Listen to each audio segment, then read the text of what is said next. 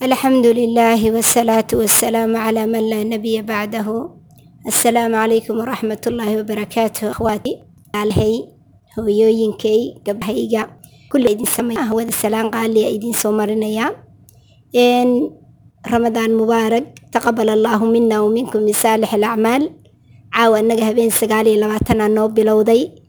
N maaragtay bishii ramadaan sanadka hijirigaana waa kun afar boqol iyo ilaahay subxaana wa tacaala bishan intii tagtay kuwii ka soo qaniimaystay ilaahay ka aqbalay soonkoodii salaadoodii sadaqadoodii cibaadaadkoodii iyo qur'aankii qaniimadii ka qaniimaysteen. Ilaahay subxaana wa tacaala kuwa ahayna ku daro. Habeenkan inoo haray risadiisa allah ina waafajiyo hadduu caaway habeenkii barakaysnaa yahayna allah ina solonsiiyo haddii habeenadii tegay oo ahaana kuwii ilaahay naarta ka xoreeyey oo khayrka u qoray allah ina ku daro waxaan jeclaystay run ahaantii maadaama bismillah allahuma salli calaa maxamed waxaan jeclaystay maadaama walaalahayow bil ramadaan aynu ku jirnay dhexdana loo dhuuqsaday kitaabkii ilaahay subxaana wa tacaala wax badanna dadku ka fekerayay kana qaniimeysanayay. Run ahaantii ramadaankan aniga ramadaanada kale waa iiga duwanaa kan hooyaday macaan allaha u naxariista u dambi dhaafo ayaa bishii koowaad sanadkan aan ku jirno dhimatay. Waxaan dareemi jiray yacni markay ila joogtay intaan ku soo caqliyey de intaan caqliga laha hooyo ducadeeda dee waalid ilaa maalintaan dhalanna inaa maalinta aynu joogno ina ka tegayaan ama inagu ka tegayno ducada waalidka ku socoto waa qaali. Ilaahay waalidkeena intii hormartay allah u naxariistay intii inoo noolna allah inoo xifdiyo cafiya caafimaad allah inoo siiyo laakiin wehel ayay run ahaantii aabba waa ka horreeyey waa horu dhintay allahu nax dhowr iyo labaatan sano ka hor. Laakiin hooyo maaragtay way igu cusbay tiiraanyadii iyo arrintii. Marka ramadaankan ducadii waxaan dareemayey hooyo ramadaanadii adduunka aan la joogay aan isla soomaynay ama maaragtay hadday intii dambe iyadaa labadan sano saddexdan sanoo dambe hadda waa maaragtay waa laga bixinaya laana xanuun awgiis. Allah dembi dhaaf uga dhigo khayr baan la uga rajaynay allay jeclayd kitaabka allay jeclayd sunnadii nebigay jeclayd nebigay jeclayd calayhi salaas inuu ilaahay khayr la kulmiyey. Khayraad badanna waa loo arkay ilaahay u naxariista u dambi dhaaf waxaa idinkaga wadaa ramadaankan xoogaa waxaad u malaysaa inaan dareemayo xoogaa tiiraanyadaas inay igu jirto aad ah. Ilaahayna qalbiga inoo wada qaboojiye intii ehel ay jeclaayeen ay ka hormartay. Sanadkan oo iyaguna ramadaankii aan la qaadan oo ka hormaray ilaahay qubuurahooda hu nuuriyo rawdatu riyaadiljanna allah uga dhigo inta xanuunsanoo soomi weydana cafiya caafimaad ku sooman allaha siiyo. Intii ka qaniimaysatoo soontana allahina ka aqbalo. Rabbi subxaana wa tacaala jala fii culaa jala jalaaluh marka kitaabka ilaahay aynu waktiga la qaadanay hadda ciwaankan meesha aan alxamdulilah ilaahay maaragtay noo diray inaan maaragtay maaragtay idinkugu soo gudbiyo la saaxiib yacni la saaxiib qur'aanka. Sirta noloshana waa la saaxiib qur'aan kornti sirta nolosha noloshan adduunka haddaad rabtid. Xayaato wanaagsan waa kitaabka ilaahay iyo sunnada nebiga la saaxiib kitaabka ilaahay la saaxiib awalan. Kitaabka ilaahay waa mucjisadii nebi maxamed lala soo diray calayhi salaatu wasalaam. Ilaahay subxaana wa tacaala jala fii culaa jala jalaalu muxuu yiri rabbigeen oo ilaahay subxaana wa tacaala uu yiri ina aladiina yatluuna kitaab allaahi wa aqaamuu salaa kuwa ilaahay kitaabkiisa akhrinaya ba ammaan iska leh. Yah haddana salaadii cibaadadii la yimi salaadii toosiyey wa anfaquu mima rasaqnaahum siran wacalaaniya haddana wixii aan ku irsaaqnay wax ka bixiyayo si si qarsoodi ah iyo si muuqata yarjuuna tijaaratan lan tabuur waxay rajaynayaan baac mushtar yaa ay ilaahay ka filayaan ka sugayaan baac mushtar aan khasaarayn tijaaro aan khasaaro lahayn waay tijaaradaasu ilaahay subxaana wa tacaala muxuu sii raaciyey liyuwafiyahum ujuurahum wayasiidahum min fadlih ilaahay subxaana wa tacaala inuu u siiyo iyo inuu ka abaalmariyo u oofiyo ajaradooda inuu ilaahay subxaana wuxuu ilaahay u siyaadinayaa fadligiisa u siyaa waa u labalaabaya inahu qafuurun shakuur ilaahay subxaana wa tacaala inuu yahay mid dembiga dhaafa haddana ilaahay subxaana wa tacaala mahadin badan oo addoonkiisa wixii uu galay iyo wanaagu kale ka abaalmarinaya inta waxa ku subxaana wa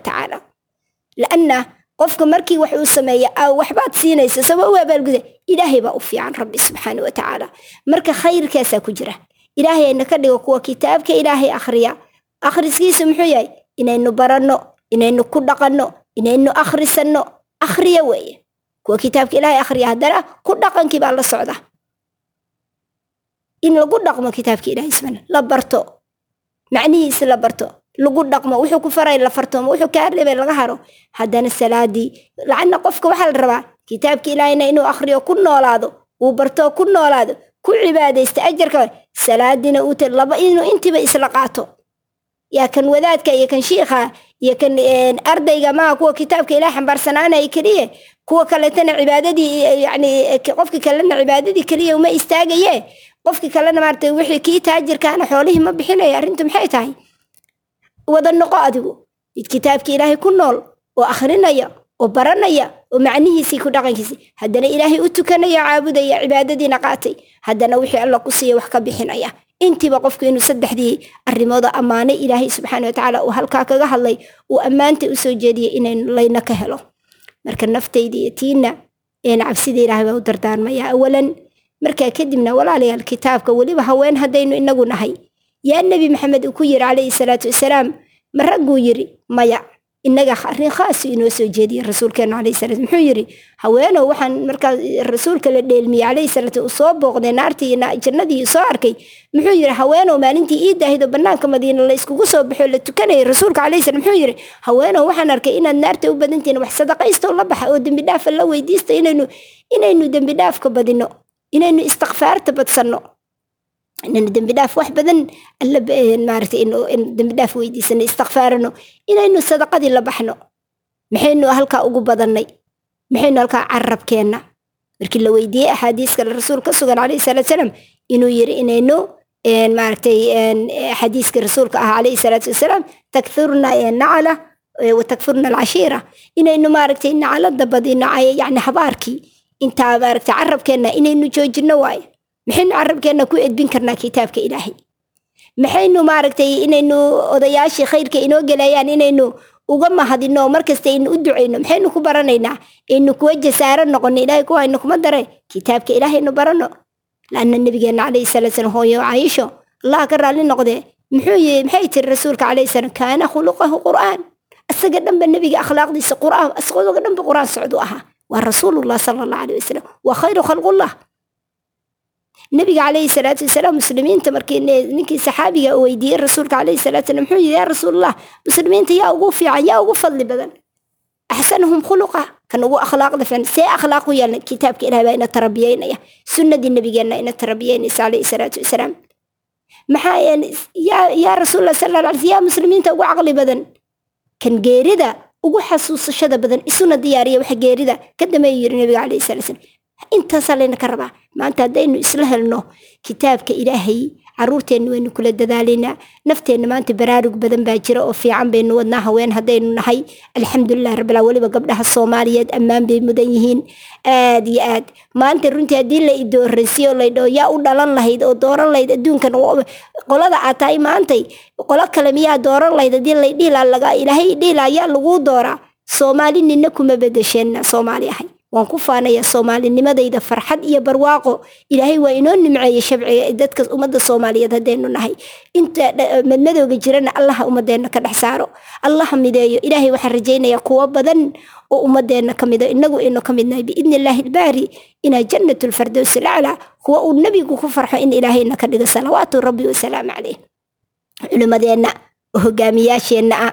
Rabbi alcaalamiin oo maaragtay garab noo ah runtii qolkeenna cibaaduraxmaan waa idin siin doonaa hadhowda maaragtay gabdhaheenna reer cibaaduraxmaan oo hadda maqaalkaygu gaari doono hadalkaygan iyo walaalahayga kale oo soomaaliyeed gabdhahayga soomaaliyeed qaar walaalahaya qaar hooyooyinka yihiin qaar maaragtay ay yihiin caruurtaydii gabdhahaygii wiilashaydii gabdhahaygii kulliba.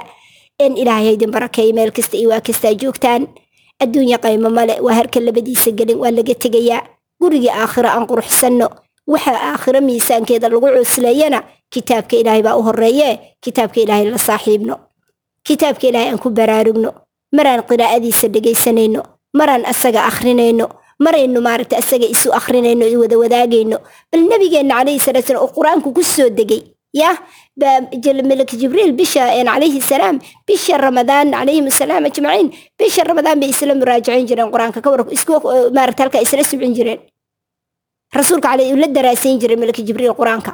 Sanadkii u dambeeyey nabigeenu tegay calayhi salaatu salaam laba jeer bay isla daraaseeyeen sanadadii horena marmar sida laga qaadanayo koley sannadkii u dambeeyey laakiin labaan isla daraaseynu iyo rasuulka calayhi salaatu salaam. Umana arkataa ilaa inay tahay mooyaane. Markuu faadima binti rasuulillah u sheegaya rasuulka calayhi salaatu salaam in geeridaydiina soo dhawaatay mooyaane. Marka innaga halkee ka taagana marka ramadaaniyiin keliya yaynu noqonina maadaama gebagabadii ramadaanka aynu marayna caawa waxaa isra habeenkan barakaysan kaga faa'iidaysa qaniimadanoo yaa khayrkan.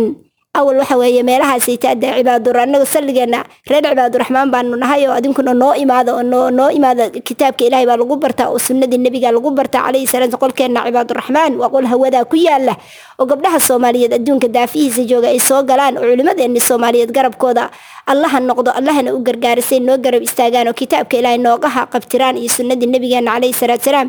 Macalimiinteenna maaragtay oo rag iyo dumar bale culimmadeenna allaha wada barakeeyo oo garabka nagu siiya. Runtii aad baan ugu bogaadinayaa waxaana leeyahay adduunkana barwaaqo ku noolaada. Inta shuukh iyo culimo halkaa muctamar hadday noqoto iyo cashar hadday noqoto qolkeenna cibaaduraxmaan noo yimaada oo ilaahay kitaabkiisa iyo sunnada nebiga nagu garab istaaga calayhi salaatu salaam iyo intana jeceloo maaragtay jecel inay noo yimaan laakiin duruufuhu u saamixi waayanba allaha barakeeyo. Culimadeena meel kasta waa kastay joogaanba allaha barakeeyo. Shar iyo shaydaanna allah inoo ka xijaabo qodaxdii muddo annagayna muddo ilaahay qodax adduunye iyo mid aakhira baa ka ilaaliya. Ilaahayna ha karaameeyo. Rabbi subxaana wa tacaala jala fii jala jalaaluh halkaanayta qaniimooyinkan maanta iyo fahankan aan kitaabka ilaahay fahnay ma aanu fahaneen haddaan ayaga ilaahay fadligiisaan ku helnay. Uma markaa kadibna ayagaan sabab noogu ahaa. Soomaha ardaydoodii baanu nahay. Alxamdulilah waana ku faraxsannahay. Marka waxaan ka wadaa ummadeenna soomaaliyeed maanta caalamkan inu ku noolnahay dadka ugu wanaagsan baynu ku jirnaa. Hooyo soomaaliyeedna waa hooyo qaali gabar soomaaliyeed ee qaali baa tahay. Dhexda u xiro yaa adduunya lagugu mashquulin yaa kitaabka ilaahay lagaa mashquulin. Kitaabkaaga gacanta midig ku qabso tusbaxaaga maaragtay wardigaaga qabso een maaragtay marad wardinayso iyo maraad kitaabka tasbiixdaadii iyo taxmiidaadii iyo khayrkaagii aad ku jidho. Lianna ilaahay subxaana wa tacaala nabigeenna calayhi salaa slam muxuu ku yidhi sabir tasbiixso taxmiidso ilaahay dikrigiisa maaragtay dikrigeena waa quwadda dhan waa awoodda dhan wixii lagu helaya awoodda iyo barakada. Waa ilaahay kitaabkiisa. Nacam laakiin haddana tasbiixdii inaad la timaadid taxmiiddii inaad la timaadid. Dikriga nabigeena muxuu yidhi calayhi salaatu wasalaam adduunkan waxa saaran waxaan ka jeclahay inaan dhaho qoraxda u soo baxday. Subxaana allah walxamdu lilah walaa ilaaha illa allah wallahu akbar. Ku dar. Nabigeenu calayhi salatu wasalam muxuu kaloo inoo sheegay afartaa kelmadood axaba kalaami ila allah buu yiri ilaahay hadal lagu hadlo wuxuu u jecel yahay subxaana allah walxamdulilah walaa ilaha illa akbar ku darso awood baad helaysaa qur'aankii ku akhrisato awood baad helaysaa aad kitaabka ilaahay eed maaragtay macnihiisa ku dhegaysato marka ha noqoto maraad qiraa'adiisa akhrinayso iyo maraad asagii maaragtay tafsiirkiisa dhegaysanayso maraad asagii akhrisanayso ku noolow carruurta iyo guryahana juhdiga inu gelinayno xifdiga in la eg aan gelino macnaha inaan carruurta barno. Hal jus hadday yaqaaniin halka jus macnihiisa la barto. Gurigeennuna ha noqdo qur'aanka muxkamka ah gurigeennu raatib ha u noqdo. Qur'aanka muxkam suuratu xujraat ilaa naas qur'aanka muxkamka waa qur'aankii tawxiidka ina baraayay waa qur'aankii risaalada nebi maxamed la soo diray calayhi salaatu iyo hawsheedii dhan halkaa inoo kala inoo risaarayo ina baraayay waa qur'aankii aakhiro inaynu dhimanayno iyo inaynu aakhiro u soconno iyo janniya naar iyo meesha loo ahaanayo waa qur'aankii ina baraayay qofku hadduu qur'aanka caruurteenna maanta waxa hawl badan ina kaga timi xifdigii waa dadaalna dhexdaan dhuuqsanay tafsiirkii hawl baa ina ka haysta. Macnihii inay caruurtu bartaan walaalayaalow waxa hadda iga hadal siinayana maanta aanka caawa aan kilibtan ugu qastay waxa weeye qur'aanka muxkamka akhwaatiyow qur'aanka muxkamka aynu dhexda u xiranno. Inaynu macnihiisa inaguna baranno arday noqonno gurigeennana uu yeesho dersi ka baxa guriga oo odagii iyo caruurtii iyo reerkii intii joogta la soo fadhiisto hal suurad suuradaha gaagaaban ha noqotee maalintii suuradaha dhaadheer la gaaran dhowr aayadood ha ku badin shan aayadood. Sidii saxaabadu ahaayeen ridwaanullah calayhim ajmaciin shan aayadood bay baran jireen ku dhaqmi jireen macnahooda baran jireen ku cibaadaysan jireen meel saari sidaas aan noqono waa dhammaanaya haddana dhammayna raatib guriga haba noqdo. Reer kasta qoys kastaoo muslima maanta arrintaasay ta haddaynu ku dhaqaaqno faa'iido badan weliba innaga ummadda soomaaliyeed. Kitaabka ilaahay maasha allah ilaahay waa inoo ku nimceeyey. Allaahuma baarig wasid allaha noo barakeeye noo sigo. Ummadaha ku ammaanan baa nahay kitaabka ilaahay. Ilaah baana nimcada na siiye allaahuma laka alxamdu walaka shukru alxamdu lilahi binicmati tatimu saalixaat baan leenahay. Alxamdu lilah xamdan kathiiran dayiban mubaarakan fiih ilaahay baa ku mahadsan. Laakiin maxaa layna ka rabaa macnihii macnihii baraarug hadda waa jiraa laakiin aan dhexda sii dhuuqsanno wallaahi alxamdu lilaah ilaahay baa mahad iskale kitaabka ilaa wax jilibka loo laabto. Ogow adduunyada haddaa caaway waa la kala tegayaa adna maalin baa tegi adna maalin baan tegi ama habeen baan tegi habeen baa tegi ilaa allaa og meel laysu soo jiro laakiin caawa haddaan idinka hormara aniga waxaa iga dardaarana cabsida ilaahay baan idin dardaarmaya uma markaa kadibna war hooy kitaabka ilaahay iyo sunnada nebiga calayhi salaatu salam siduu nebigeenna u yiri cadduu calayha binnawaajid halkaa lagu qabto kitaabka macnihiisa ha loo kaco qur'aanka muxkamka tafsiirkiisa aan ku baraarugno guryaheenna aan ka daarno caruurteenna aan barno odayaasha soo fariisiya wiigiyo dhan waa la ordaya war waktina siiya dhaha weliba anigu waxaan arkay barako badan baa ku jidha odayaasha soo sasaba u masaajeeya soo fariisiya. Gabar yahay hooyo yahay walaal yahay odaga ha la soo fariisiyo. Odaga haddii oday kuu joogo odaga dhegta soo qabo ila soo fariisana ka soo dhammeey odaga ka soo saxiix odagu casharkaas odagu dhegaysto oo carruurta wada dhegaystaan oo hooye laysla wada fariista reerka barako badan baa ku jidha laanna boqorkii reerka yaa libaaxii reerka meesha fadhiya. Ilmuhu wax badan bay markaa dhugta gelinaya. Waa xisaabta si fiican baa lagula wadaya. Laakiin odagii maa yahay hadda odaguba ka mashquul waaye iyagana ka mashquule. Hogaamiyihii reerka isaga weeye. Yaa taajkii reerka. Gabadhii aan oday u jooginay adigana odaga awoodda ee khayrkii aad odaga ka heli lahayd uu kula qaban lahaa allaa adiga ku geliyey. Abshiri bilkhayr ha welwelin ha isdhihin walaashaa maxay? Kuwaas adigana adiga ilaahay ku siiyey. Ilaahba adiga reerkan kuu dooray. Haddaa adigu hooyo ama odageeda dhintay ama ay kala tegeen tahay ha welwelin gacalo khayr baad haysataa adigu dhexda dhuuqsan labadiiba adaa isku haya mas'uuliyaddii allah kuu kaalmaynaya allahna kuu kaalmaya allahna carruurta idinla koriya akhwaati kulligeenna allahaynala koriyo. Kuwa lala joogaya kuwa laga dhintay iyo kuwa laga maqay la tegayba bedel khayr qaba. Nin kasta meeshuu ka tabanaya bedel khayr qaba. Allah u geliyo rabbi subxaana wa tacaala jalla fi culah jabrigiisa ilaahay khatirkiisa allah maaragtay in maaragtay u kabo rabbi subxaana wa tacaala allah u kabo. Khayrna allah ugu bedela adduunyadani qaymo male waa laga tegaya daarul imtixaan weeye tane? Yaa inuu dhexda wada xiranno weeye. Ilaahay subxaana wa tacaala muxuu yidhi naftan sidaynu u dahirinen qad aflaxa man sakaaha. Waxaa liibaana qofkii naftiisa hufa jafa xumaanta ka fogeeya soma waqad khaaba man dasaha qofkii naftiisa aaso isagu duugo xumaantii dhex jumbiya oo dhex dara kaas weeye. Ka khasaarayna oo hogay waa kaa ilaahay kuwa ina kama dhigo. Kuwa naftooda dahira allah ina ka dhigo. Or ilaahay digrigiisa ku noolaada rabbi subxaana watacaala oo digriga ilaahay haya oo carabku haya ilaahay ina ka dhigo. Laanna adduunyadan waynu ka tegaynaa waa harka labadiisa gelin. Safar baynu nahay meel laynoo soo jirana ma ogin. Wax miisaankii aakhira lagu cusleeyana waxaa ugu fiican waa kitaabullah. Waa kitaabka ilaahay. Taa ogow wax miisaankii aakhira lagu cusleeyo halkii xaraf baa toban lagugu dhufanaya ma dheedheelba suuratu faatixa keliya markaad akhrisatid toddoba kun oo xasanaada ma dheedheelba ya haye bal toban jeer buu yiri rasuulkeenu calayhi salaatu wasalaam suuratu ikhlaas ninkii akhriya qasri baa jannada looga dhisaa. Haye halkee ka joognaa? Wardigeenna ma ku jirdhaa suuratu ikhlaas?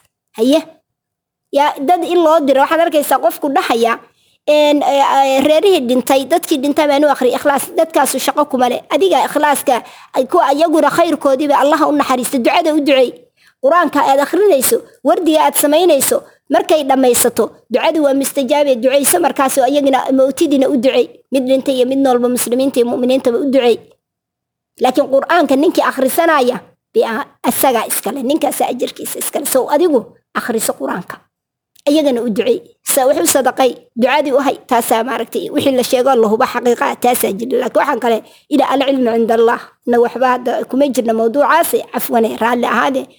Macnaha waxaan ka wadaa suuraddaasi taanka qade hal mar qofkii akhriya saddex meeloodoo meel bay qur'aanka u dhigantaa. Hal mar markaaba akhrido. Saddex mar marka laba mar akhrido. Saddex jeer goorta akhrido. Qur'aankii oo kaamil oo jumlo ah xasanaadkiisii adoo dhameeyey oo kale ajarkiisii oo kaamila qur'aankii oo dhammaystiran baa lagu qoraya. Laanna saddex meelooda meel bay qur'aanka u dhigantaa. Waa suurad tawxiida ilaahay ka hadlaysa rabbi subxaana watacaala bilow ilaa dhammaad. Sow qur'aankana saddex meeloodoo meel waa maxay? Waa waxa weeye waa tawxiidkii. Suuraddaasaa xambaarsan allahu akbar. Marka ka noolow akhriso wardigaa ku darso maamo ee sheekh culimadeena ka mid ah wuxuu ka sheekeynayay maama isoo wacdi yiri culimada carabta weeye. Wuxuu dhahayay maama isoo wacda waxay igu tiri yidhi qur'aan ma aqaano. Maxaa taqaanaa? buu yidhi aan haysaa. Suuratu naas bay tiri waa aqaanaa. Akhrisuu yidhi iyada ku cibaadayso. Maalin muddo kadib bay isoo wacdi yiri. Waxay tiri bal keeri jacaylka ee qur'aanka u qabtay iyo dadaalkii dadaalayso waxay tiri yidhi kun jeer laba kun baan akhriyaa. Suuraddii kun jeer yaan akhriyaa. Waad fiican tahay buu yidhi halkaas sii wad ilaahay misuu qorayaa niyadeyda. Siduu nabigeenu yiri calayhi salaatu wasalaam tursaquuna niyaatakum. Niyooyinkiina baa ilaahay idinku irsaa. Qof kasta wuxuu niyeystay innama alacmaalu binniyaat. Haddaad maantay dhexda xiro waxbarasho waa loo weynaadaaye lagama weynaado. Waa weynaadee wax ma baran kara ha qorintaa waxbarasho waa loo weynaadee lagama weynaado. Maantay ukhtilmuslima waxbaa ku dhaafay halkane? Yaa maantadaa hurdada kaka cuntadaba waa loo dadaalaya adduunyaba waa loo dadaalaya sheekadaba waa loo dadaalaya. Maanta haddaadan kitaabka ilaahay akhrin karin yaa maantaba dhexda dhuuqso walaalo. Ha welwelin abshiri bilkhayr waad gaaraysaaye maantaba nuuraani qaacidadii bilow waad gaaraysaa ilaahay idankiis hadday niyadaadu tahay maanta alifkaas aad bilowday furihii qur'aanka oo higaadii aad bilowday ay tahay inaad gaadho suuratu albaqriya faatixalka a soo taabta albaqra allaa ku gaarsiinaya. Haddii ka hor aad dhimatana niyadaas aa niyeysatay ilaahay idankiis. Annaga iyo adinka iyo kulligan ba allah inala soo saaro aakhiro kuwa xufaad ah. Alla agtiis waxbay ku tahay. Wamaa daalika cala allahi bicasiis ka kac urdada waad gaaraysaa.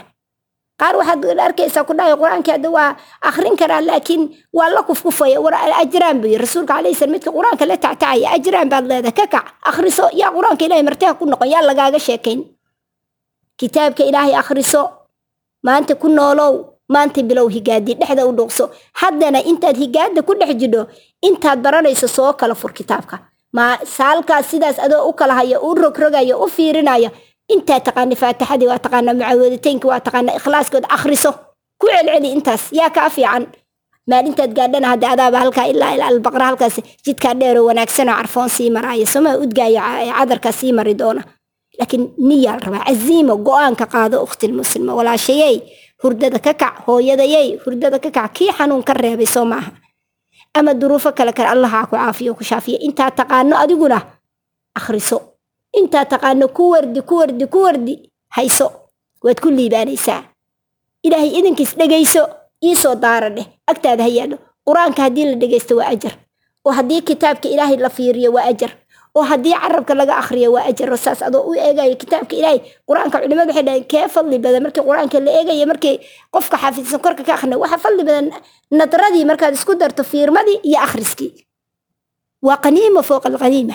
Marka aan ka qaniimaysano gabdhow yaa halkaa laynoo ka hormarin raggii hadda raggii innaga guryihii iyo carruurtii intaynu ku jirnay iyo howlo badan yaa haweenkeenni dumar dumar sheekadiis intaan ku jirnay raggu meelo badan bay inoo ka tallaabsadeene raggeenu maaragtay man man camila saalixan falinafsihi waaye yaa qof kasta nagii wanaag sameynaysa qofkii xumaan sameyna iyada unbay ahaanaysaaye laakiin yaa layna ka hormarina dhexda aan dhuuqsanno guryihii inagoo hayna qur'aankeenu afka ku hayna caruurteennana aynu tafsiirka dhexda sidaynu xifdiga dhexda ugu xiranna ilmaheenna tafsiirkana aan dhexda ugu xiranno wax badan baana nolosheenna iska bedeli doontaa barakaad badan baan dareemi doonaa suuratu xujraad ilaa naas oo qur'aanka muxkamka walaalayaalow maantada laga bilaabo cawadaa aan joogno annagana cawa noota adinkana xilligoo ilaahay khabaartan idin soo gaarsiiyo. Sanadkan sanadkiisa ramadaankan ramadaankiisa alle waxaan ka rajaynayaa inaad bal intaan dib isu wada fiirino bal inaan dhahno war halkee hawshaa ka gaarnay. Aan ku farxi doonna ilaahayna waxaan rajaynayaa gabar kasta iyo waalid kasta iyo qof kasta oo muslim oo mu'mina maqaalkaygan intuu gaaro ka qaniimaysta iyo mid kastaoo maaragtay ka qaniimaysan doona iyo midkii alla ugu talagalo allah hayna ku anfaco. Allah haynoo furo ilaahayna hayna ka dhigo rabbi subxaana wa tacaala ilaahay kita ahlu qur'aan ahlullah wa khaasato allah hayna ka dhigo kalaamu rabbulcaalamiin jalla fii culaa wax ugu fiican oo lagu caafimaadayo markaad kurbaysan tahay isaga kala fur bal suuratu yuusuf walaalayaalow bal dib uf milicsada bal gabar yahay imaqlaysa iyo waalidkii imaqlayow balkii suuratu yuusuf bal maanta tafsiirkeeda dhegayso ayaamahan aad ku jidho nolosha bal dhegayso suuradda tafsiirkeeda akhriso ku cibaadayso markaad kurbaysan tahay oo walwalsan tahay soo qaad suuraddaasoo akhri. Bilow dhammeey ku noolow nolol isbeddel weyn baad arkaysaa. Kurbadaada iyo walwalkaaga in ilaahay kaaga fayda niyeyso qur'aanka dhan waa ilaahay baa yiri waa shifaa waa hudan waa hanuun waa raxma. Ilaahay baa yiri inuu raxmaya intaasoo dhan. Shifaa muxuu ka yahay? Cajiskii buu ka yahay shirkigii buu ka yahay caloolkuqaadkii buu ka yahay. Intaasoo dhan isagaa kaaga digaya. Intaasoo dhan isaga waay waa nimco waa barwaaqooyinka ilaahay ina siiye weeye waa kitaab barakaysan oo ilaahay subxaana watacaala ina ku soo dejiyey waa ilaahay rabbi subxaana watacaala xiriir nabigu calayhi salaatu wasalaam muxuu yidhi ogaada buu yidhi qur'aankan daraf ka midana ilaahay agtiisa waa ilaahay baa haya rabbi subxaana watacaala daraftiisa kalena qur'aankani inagaa haysana. Marka waa kaa xiriirkii ilaahay subxaana watacaala ilaahay baynu la xiriirsannahay. Marka mabelaya baas baa arkaysaa marka maya arki maysid marka yaynu marti ku noqonin kitaabka ilaahay taasaa inaka dardaarana kitaabka ilaahay aynu ku noolaano waa nimcooyinka waa mucjisadii nebi maxamed lala soo diray calayhi salaatu wasalaam. Adduunyadana qaymo male nebigeennu adduunyo. Wuxuu yidhi aniga adduunye maxaa iska keengalay hooyo cayisha radiallahu tacaala canha waardaah markay ka sheekeynaysay noloshii ee nebiga kula noolayd calayhi salaatu wasalaam maxay tiri waxay tiri nebiga calayhi salaatu wasalaam guryihii nebiga waxaa dhici jira iyadoo curwo u sheekaynaysa allah ka raalli noqde waxay tiri guryihii nebiga calayhi salaat waxaa dhici jirdhay in nebiga guryihiisa calayhi salaatu wasalaam aan maaragtay bil bil kale ku soo dhalanayso iyo maaragtay bil saddexaad soo socotay inaan dab laga shidi jirin. Markaasuu yidhi oho yaa ummaah maxaad ku noolaydeen? Waxaan ku noolayn bay tiri labada madmadow waa timir iyo biyo iyo xooga jaar reere ansaaro xoogaa caanaa u soo intaasaa lagaga gudbaya ayaamaha oo biyo lagu barxi jiray ya?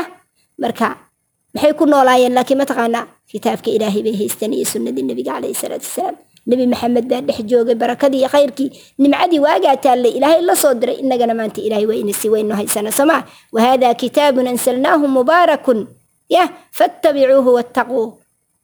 Wattaquu lacalakum turxamuun waaye kani waa kitaab aad haysataan oo maaragtay ilaahay uu soo dejiyo mubaarak ah. Waa barakaysaya asaga dhanba barako. Raaca asaga buu yidhi ilahay ilaahayna ka baqa. Wattaquu lacalakum turxamuun abu hurayra athar ka sugan radiallahu tacaala canhu ardaa muxuu yidhi guriga qur'aanka lagu akhriyo ehelkiisa iyo guriga hadduu xataa guriga cariish yar yahay waa barako waa barakaysan yahay waasacnimadiisu haysta waasac weeye. Ehelkiisa iyo iyo halkaasna naxariista ilahay baa tale waa barakaysan yahay. Risqigiisu waa barakaysan yahay buu yidhi. Malaa'igtaa timaadoo joogta shayaadiintu way ka carartaa. Laakiin guriga aan kitaabka ilaahay lagu akhrinin muxuu yahay si kastuu qasri adduunya u yahay iriiri weeye. Barakana ma leh gurigaasita baraka ma taalo raxmadii ilaahayna ma taalo shayaadiintuna waa ku soo aruurtaa waa meeshay degan tahay. Haye halkee gurigeennu kitaabka ilaahay ka taagan yahay? War hurdada laga kaco kitaabka ilaahay aan la saaxiibno. Wax lala saaxiib isaga ka dhigo haween la walaalow. Gabdhaha walaalaha iyo muslimaadka diinta ilaahay ku walaalooba walaalo baynu nahay dheh. Amaa saaxiibkaagu ha noqdo kitaabu rabbulcaalamiin jalla fii jalla jalaalu wax lala saaxiibo jaliis lala fariisto oo lala saaxiibo ka fiican male kitaabka ilaahay. Mar kitaabka ilaahay akhri mar tafsiirkiisa dhegayso mar qiraa'adiisa akhri mar maaragtay asaga ku dhaqankiisii iyo tadabburkiisii mar walaalaha jalsadii ka qaybgal khayrka iyo diinta ay daraasay jilibka asaga u laabo nimco badan baad adduunka dareemi doontaa. Aakhirana barwaaqo soo wehel soom rasuulku ma dhihin calayhi salaatu salaam qur'aanku wuu shafeecayaa soonku waa ergeynayaa maalinta aakhiro. Qabriga saaxiibkiisa wehel buu ugu noqonayaa ilaahay wehel haynoo ka dhigo. Hooyaday allaha u naxariista u dembi dhaafo ehlo qur'aan bay ahayd.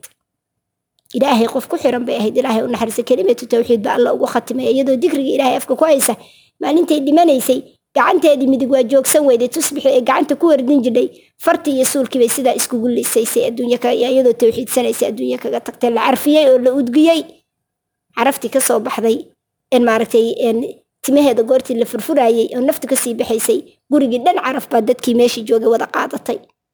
Maxay tahay taasu? Dhowr iyo labaatan sano.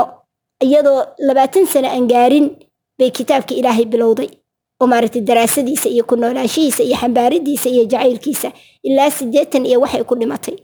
Dhowr iyo labaatan sanona waxay si khaasa u kor fadhiday oo ay maalin kasta dhegaysan jirtay tafsiirkii sheekh cumar faaruuq allah u naxariista u dembi dhaafo.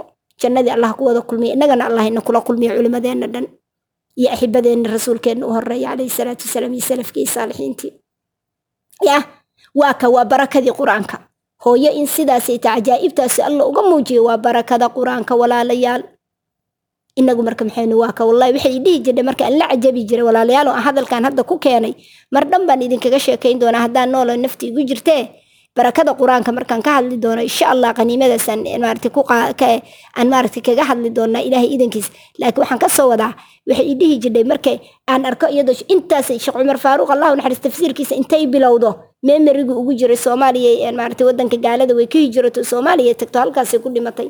Ilaahay u naxariista waalid iyo walaal intiina ka hormartaybe marka inta noolna allah inoo xifdiyo inoo dhowro. Waxay marka dhihi jira waxaa la yaabi jira iyadoo xaarkiisa iska jidbaysanoo ooyeysa qur'aanka tafsiirkiisa markay dhegaysanaysa. Raatib buu ahaa maalin kasta. Galab iyo habeen casarba waa wadaa. Marna waa tusbaxa wardigiisa marna waa qur'aanka akhriskiisa mar asagii bay akhrinaysaa mar asaga tafsiirkiisii marna tusbixii bay wadaa. Nolosheedu saddexdaas hooyaday ahayd. Waxay dhihi jira marka maandhay adduunya qaymo ma leh.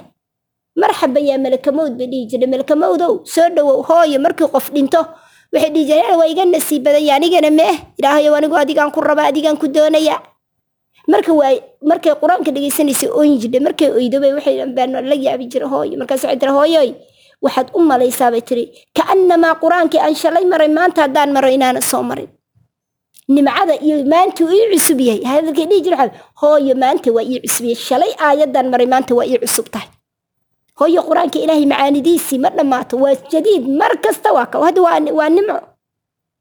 Waa ilaahay waa mucjiska qur'aanka waa mucjisada qur'aanka weeye. Marka akhawaatii taasna waa iga xasan waa barakada qur'aanka. Innagana waxaan rajaynaynaa inaynu la samag waxay dhihi jirtaa haween saaxiib ma leh.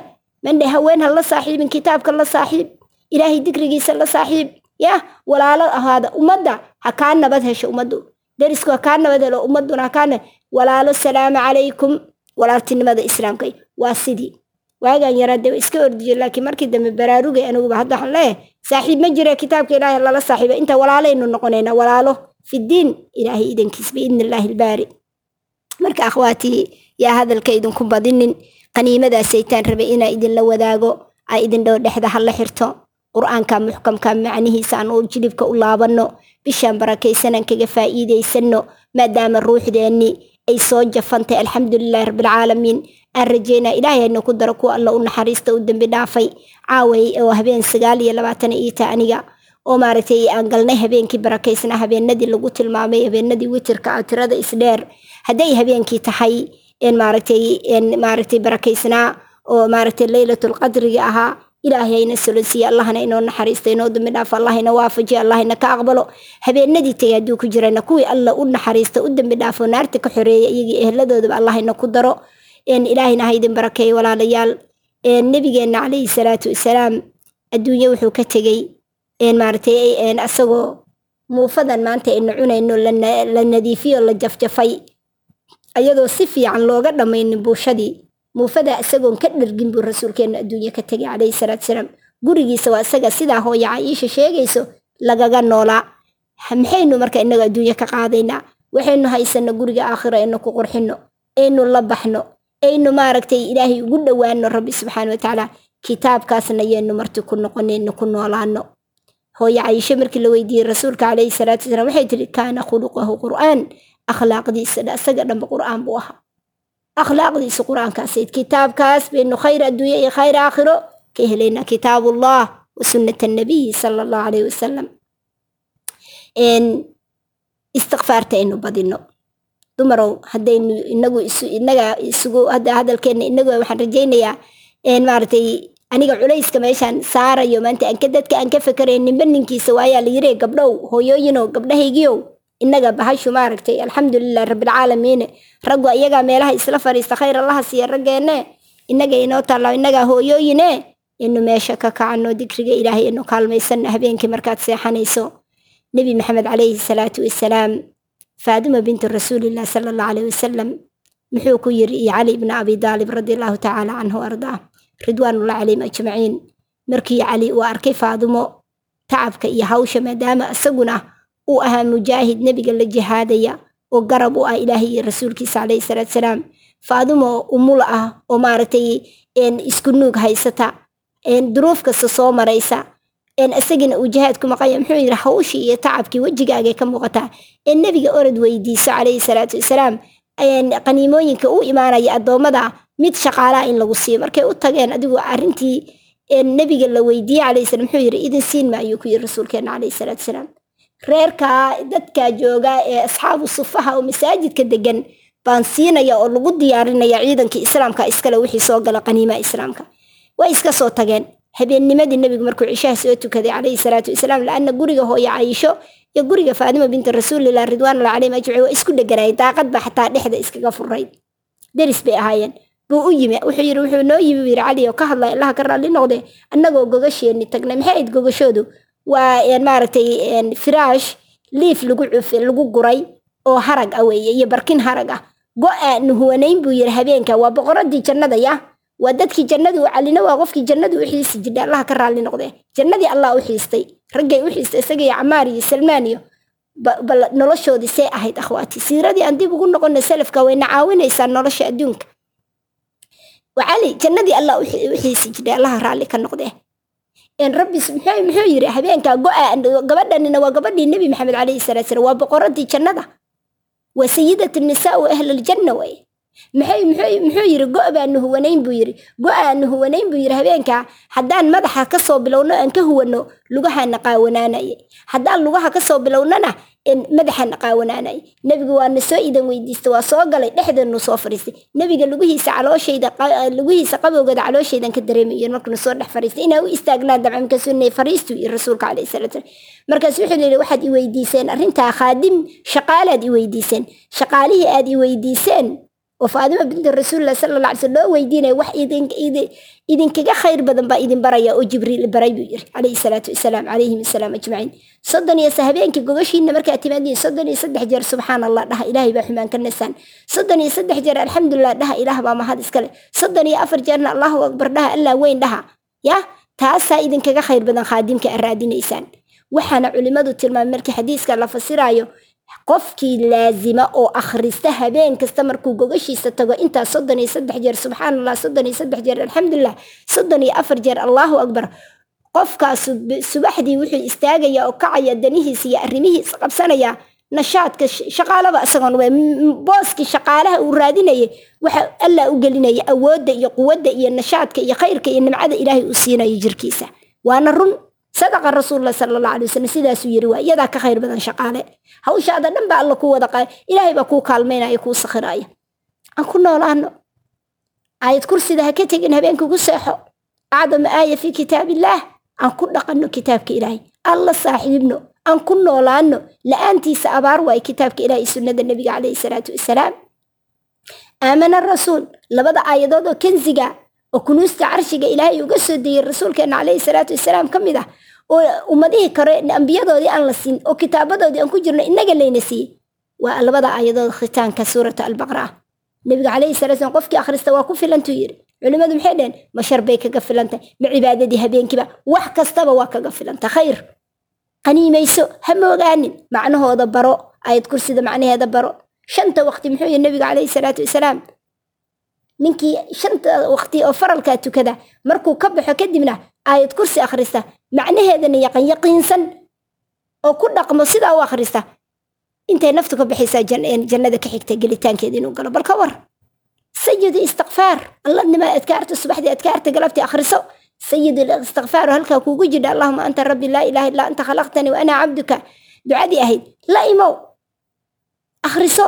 Ninkii rasuulka muxuu yidhi calayhi salaatu wasalaam ninkii akhrista buu yiri sayid istikfaar allahuma anta rabbi laa ilaha illa anta khalaqtanii waana cabduka waana calaa cahdika wawacdika ma stadactu acuudu bika min shari ma sanactu abuu'a laka binicmatika calayhi wa abuu'a bidami fakfir li fa inahu laa yakfir dunuuba ilaa anta.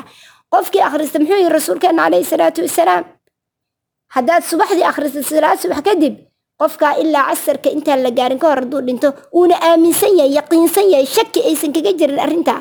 Yaqiin ka soo horjeedkeedu waa shaki inuusan kugu jir shaki ku jirno rumaysan jannaduu gelaya sidoo kale rasuulka calayhi salaa slam wuxuu yidhi qofkii akhrista akhrista maaratay casarka kadib akhrista intaan salaad subax la adamin ka hor dhinto oo sidaa u aaminsan oo yaqiinsan jannaduu gelaya marka aan ka faa'iidaysano dikriga ilaahay waa nimco. Yaa ayuha aladiina aamanuu dkuru llaha dikran kathiira kuwii allihii rasuul rumey waa laynoo yeeray ibnu mascuud muxuu yidhi cabdullahi ibnu mascuud radi allahu tacala canhu wardaa dhegtu ha kuu taagnaato markaad maqashid yaa ayuha aladiina aamanuu ama wax wanaagaa lagu farayaa qaniimayso ama wuxun baa lagaa reebaya waa laguu digaya ee ka joog weya mogtahay marka dhegta raarici marka akhwaatii naftaydii tii nacabsida ilaahan u dardaarmaya aan qaniimaysanno digriga ilaahay aan badinno aan ku noolaanno nabigeenna calayhi salaatu wasalaam sidaasuu u yiri axaba kalaami ila allah arbaca alle hadal lagu hadla afar buu u jecliyay subxaana allah walxamdu lilaah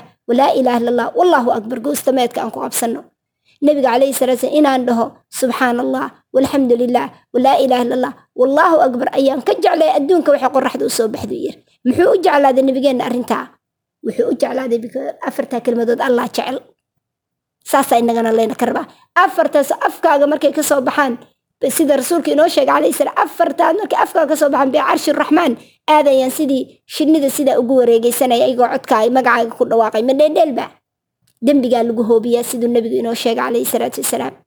Dembiyaga sida caleen geedka warqadda uga hoobata lagaaga hoobina ma ku noolow. Laa ilaaha illaa anta subxaanaka innii kuntu min adaalimiin sidoo kale ka qaniimisa wardi ku yeelo. Intaas hadda sheegayno oo dhan wardi ku yeelo. Subxaana allahi wabixamdihi subxaana allahi alcadiim. Wardi ku yeelo subxaana allahi alcadiim wabixamdihi sidoo kale wardi ku yeelo. Ku wardi. Kalimataan khafiifataan cala lisaan siduu rasuulku u sheegay calayhi salaam laba kelmadood.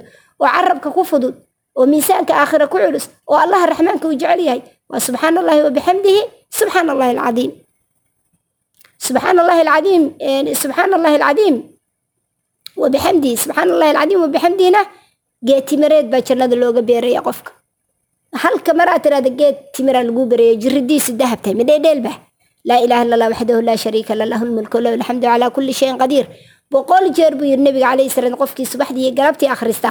Xirsi xir bay shaydaanka uga noqonaysaa. Boqol xasanaada waa laguu qoray boqol dembi waa lagaa tiray. Toban qof oo duriyadii nebi ismaaciil oo addoommo ana calayhi salaam adigoo lacagtaadii intaa ku soo gadda xoreeye ajarkaad heli lahayd baa helaysaa. Toban jeer keliya subaxdii iyo galabtii haddaad akhrisato afar addoon adoo xoreeye oo lacagtaada ku soo gado duriyadii nebi ismaaciil calayhi salaam ajarkii lagu qori lahaa. Arrinta haddaad samaysa ajarkaad heli lahayd baad helaysaa. Ma dheedheelba maanta waxaynu leenahay kanaa jira kanaa itaabtay ilba xagga halga jinna xagga shayda xagga sixir. Ilaahay baynu ka magan aan ku xirsixiranno salliga nebiga calayhi salaatu yaynu u dayma la'aanin inu ku sallina nebigeenna kurbadeenna ilaahay ina ka kaafin arrimaheenna faraj baa alla inoo furi. Dembigeenna alla ku dhaafi. Darajaad baa loo qori qofka toban xasanaa. Hal maraa nebiga ku sallid calayhi salaatu salaam. Toban toban darajo laguu qor. Toban darajo kor laguu qadiyo laguu qor. Toban xasanaada laguu qor.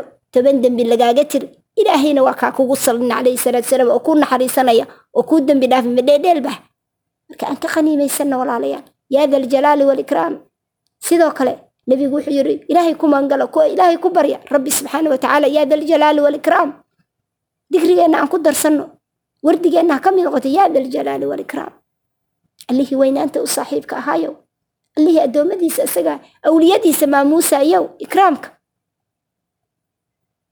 ilaahay marka digrigiisa aan ku noolaano qaniimoo dhan halkaasa inoo dhex laa xawla walaa quwata illaa billah nayaynu ilaawin kensi kunuustii jannada ka mid ah sagaal iyo toban saxaabi baa rasuulka ka soo calayhi salaatu wasalaam.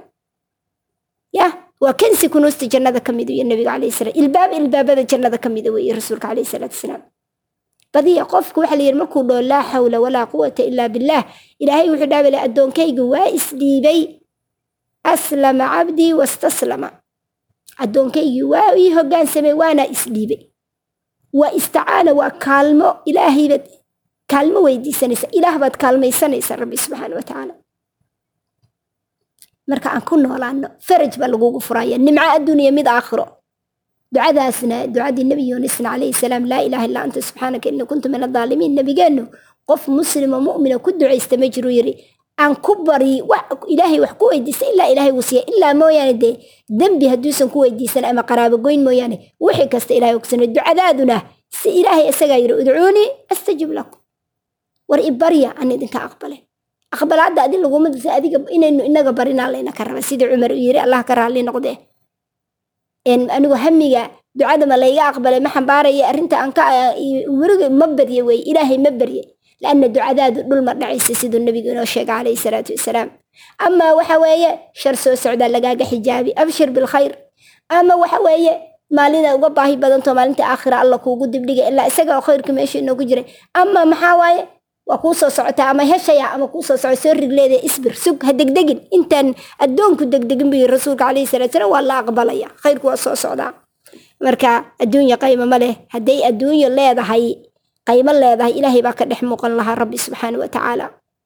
Waxay qaymada ku beeshaba waa waxa miyuu alla ka dhex muuqda maya aakhiro alla maaratay in maaratay ka dhex muuqan doona lagu arki doona kuwa alla arka oo aragtida ilahay halkaa isku arka ilaahayna ku daro rabbi subxaana wa tacaala jala fi culaa jala jalaaluh ilaahayna haynoo naxariista marka walaalayaalo taasaa iga dardaarana.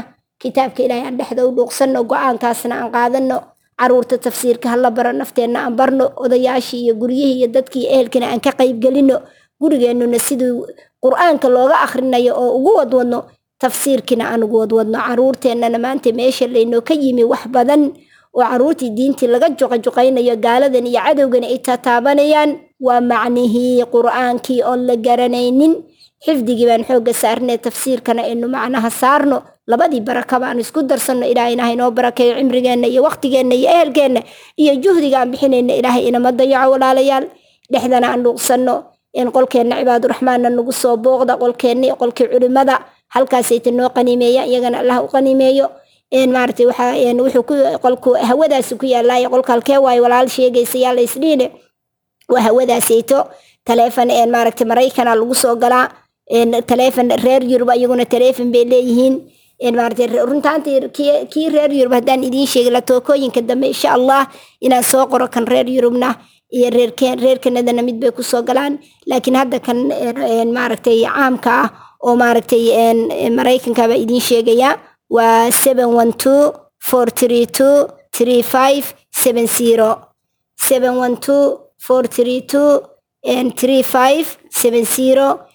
maaragtay waxaan lagu sabiin operator baa marka kula hadlaya. Marka biin numberka geli geli haash taabo ama bown saa u taqaaniin dadka qaarkood haash bay dhahan marka bownkaa taabanaysaa. Kadibna daraq qolkii waa soo gelaysaa haddaad walaalaha rabtid inaad la hadashid zero maaragtay star maxaad kaga soo baxaysaa baan dhilaa star one baad kaga soo baxaysaa. Haddaad rabtid inaad muudkaaga ku noqotidna star one baad taabanaysaa waad ku noqonaysaa. Markaa rabtid inaad hadashana star one baad kaga soo baxaysaa. Walaalaha baa jooga culimadaadii khayrkii diintii nimcadii waa mudaraso dhan oo kaamila qur'aankii tafsiirkiisa laga barto qiraa'adii nuuraani qaacidadii higaadii axkaantii nimco qaniimoo dhan mawduucyo kala duduwan ku soo dhowaada noo imaada nala qaniimaysta ilaahay cafiyo caafimaad baa idinkaga rajeynaya ramadaankan ramadaankiisana ilaahay khayr iyo baraka hayna ku geeyo sanawaad badan. Allah inoo soo celceliyo. Kuwii ka qaniimaysto alla ka aqbalana allah ina ka daro. Waalid iyo culimo iyo maaragtay iyo intii muslimiin oo mu'miniin oo ina ka hormartayba ayaan maaragtay ilaahay subxaana watacaala ha u naxariista intii noolna allah inoo xifdiyo inoo dhowro. Shar iyo shaydaanna allah ina ka xijaabo muraadadeenna aan macsi lahayna allah ina siiya akhwaatii intaasay maaragtay maaragtay aan ku soo gabagabaynayaa wixii khayran ku hadlay fa min allahi subxaana watacaala wixii aan gafana nafteyda iyo shaydaan alliya rasuulna beri bay ka yihiin. Cafiya caafimaad baa idin rajeynaya alxamdu lilaahi rabbi alcaalamiin wasalaatu wasalaamu calaa rasuuli illaahi sala allahu calayhi wasalam subxaanaka wabixamdika ashhadu an laa ilaaha illaa anta astaqfiruka waatuubu ilayk. Asalaamu calaykum waraxmat ullaahi wabarakaatuh